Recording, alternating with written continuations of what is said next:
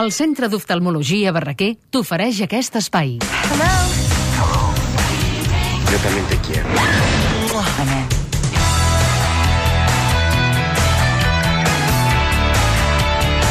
Quina pel·lícula tenim per explicar? Si et deixes introduir primer, ja que venim de l'òpera, un concepte, no us perdeu que la representació que queda de Tamerlano al Sí, Liceu. ho hem dit, ho hem dit, ho hem dit, eh? Perquè no només Händel, sinó aquesta col·lecció de veus s'ho valen, eh? Va, va. Ja A vegades... Ni amb... Sí, sí, Ai, ho he doncs. vist. No hi ha representació, però realment veure el Plácido Domingo, el Bejun Meta, l'Anne-Sophie Bonotera, tots junts a l'escenari, interpretant peces d'aquesta categoria, eh, és, és tal la cal·ligrafia i la filigrana que aconsegueixen amb les veus, és un arabesc absolut, i et sents, no, no un chill no, et sents realment directament a l'harem de Tamerlano amb tot el ple que representa.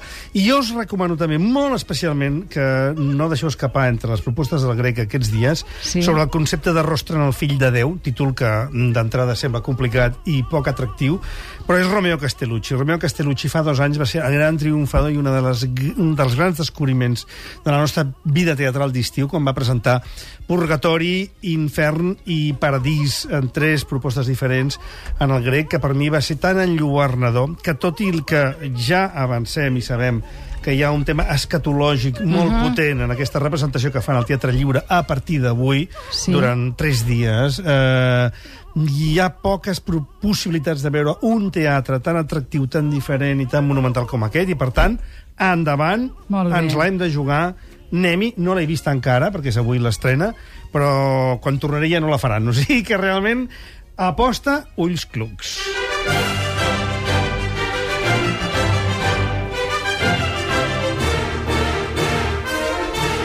Maca, aquesta música, Doncs eh? va de cotxes, va de cotxes de la Pixar, va de cotxes eh, que abandonen les carreteres, la ruta 66 dels Estats Units, per anar-se a competir arreu del món en aquesta passió que després del eh, renaixement d'interès per la Fórmula 1 han despertat eh, els vehicles de motor, no?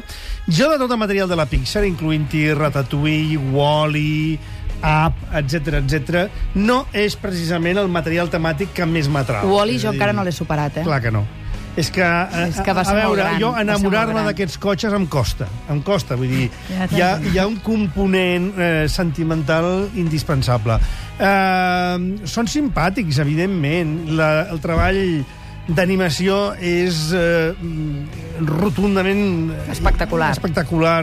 Eh, eh, la Pixar té una noblesa a l'hora de concebre el seu producte i un respecte pel públic que jo eh, no només admiro, sinó agraeixo profundament.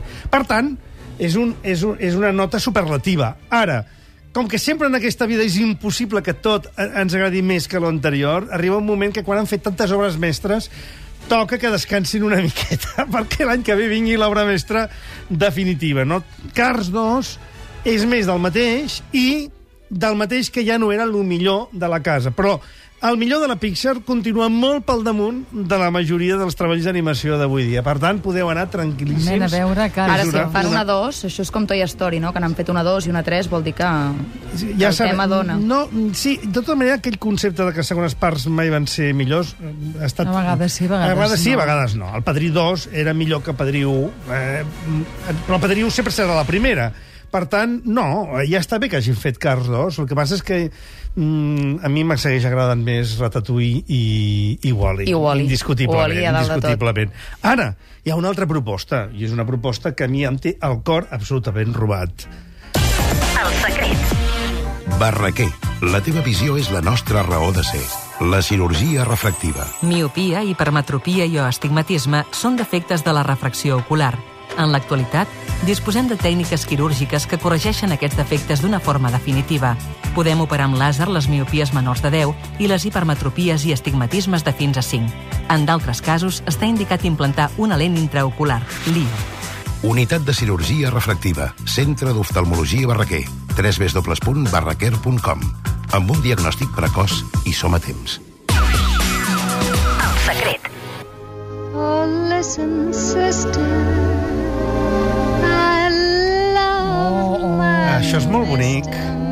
Us ho explico? Sí, Sí. Aquesta és Ava Gardner, cantant una cançó de Magnolia, de Showboat. Ah, la cançó molt ben trobadíssima, eh? Aquesta, aquesta veu i aquesta, aquest enregistrament, perquè ella interpretava el paper d'una mestissa, del paper de Júlia, a la pel·lícula, ella va gravar la cançó i la Metro van considerar que tenia una veu que no es corresponia amb l'estil una mica més líric i operístic de les cantants de la Metro de l'època. Van dir no. I la van doblar. I a la pel·lícula surt doblada. Però la veu d'ella eh, s'ha conservat i en enregistraments discogràfics la tenim. I és molt millor. Perquè si no és una actriu cantant extraordinària, és el que dic jo. No és una cantant extraordinària, potser no. Ah, És molt avallotada i és molt eh, torch song, eh? Però a mi m'agrada molt més, perquè és molt més actriu i, i molt més personal i molt més sentit, Sí, per t'endú entendre'ns, molt més. El eh? dimarts vam tenir aquí a l'Isaac i la Cuesta presentant-nos aquest documental, no? La noche nit- que no acaba. La noche que no acaba. Que l'hem recomanat i molt, eh? A veure, us he de dir que, per tant, ja va explicar-ho tot i queda claríssim. Us he de dir que Ava Gardner, a part de que tenia els ulls preciosos, i ara quan ha sortit això dels ulls he pensat, mira, va a pèl, no? És que per veure-hi bé, bé, Eh, Barraquer. Clar, doncs eh, eh, era una gran actriu. Sempre van dir era un sex símbol, i només un sex símbol. No, No, era una eh? gran actriu. Quan va fer La nit de la iguana, quan va fer eh, aquests papers ja de maduresa de la seva carrera, la dona s'havia menjat el, a l'actriu. I la veritat que alguns directors li van saber treure els personatges que va interpretar la converteixen en una de les persones més sinceres que van treballar en el Hollywood clàssic. I la bellesa aquesta interior Sí. acaba surant, i acaba sortint, i acaba contaminant, en el bon sentit de la paraula, les pel·lícules que va fer. I el que ha fet l'Isaac i la Cuesta és preciós. És una, una declaració d'amor i un arribar a la profunditat de la dona que va ser Ava Gardner, en el millor sentit de la paraula, i per tant és un acte de respecte.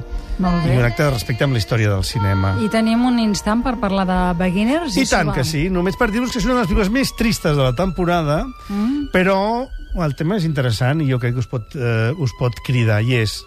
Ara imagineu-vos que el vostre pare, que té 70 i tants anys, mm. s'ha quedat vidu, i en aquest moment de 70 i tants anys diu uh, i ara vull sortir de l'armari, perquè durant tota la vida m'he contingut i no he sabut ser sincer amb mi mateix. Ara tinc 75 anys i no li he de donar raons a ningú. Fill, podem continuar sent amics, però que sàpigues que a partir d'ara la meva parella és masculina. I a veure com reacciona el fill. Bueno, això podria passar també amb la mare, eh? evidentment, no? per descomptat. No? Això la Cerdanya ens ho va demostrar fa molt de temps. Bueno, una pel·lícula que va fer, no vull dir ella, eh? vull dir... Sí, sí, la pel·li. A- En la ficció. En la ficció, no? La proposta està molt bé i jo crec que és prou original. I el nom està ben trobat, no? Ja Així? està, sí. Beginners, Tor- eh? principiants, mai és tard per ser principiant. Christopher Plummer és el personatge que fa el, pa el paper del pare, un altre actor que amb els anys ha aconseguit arribar al punt de cocció perfecte. Un punt de cocció. I, i l'emoció doncs, també ens Hem d'arribar acompanya. al punt de cocció.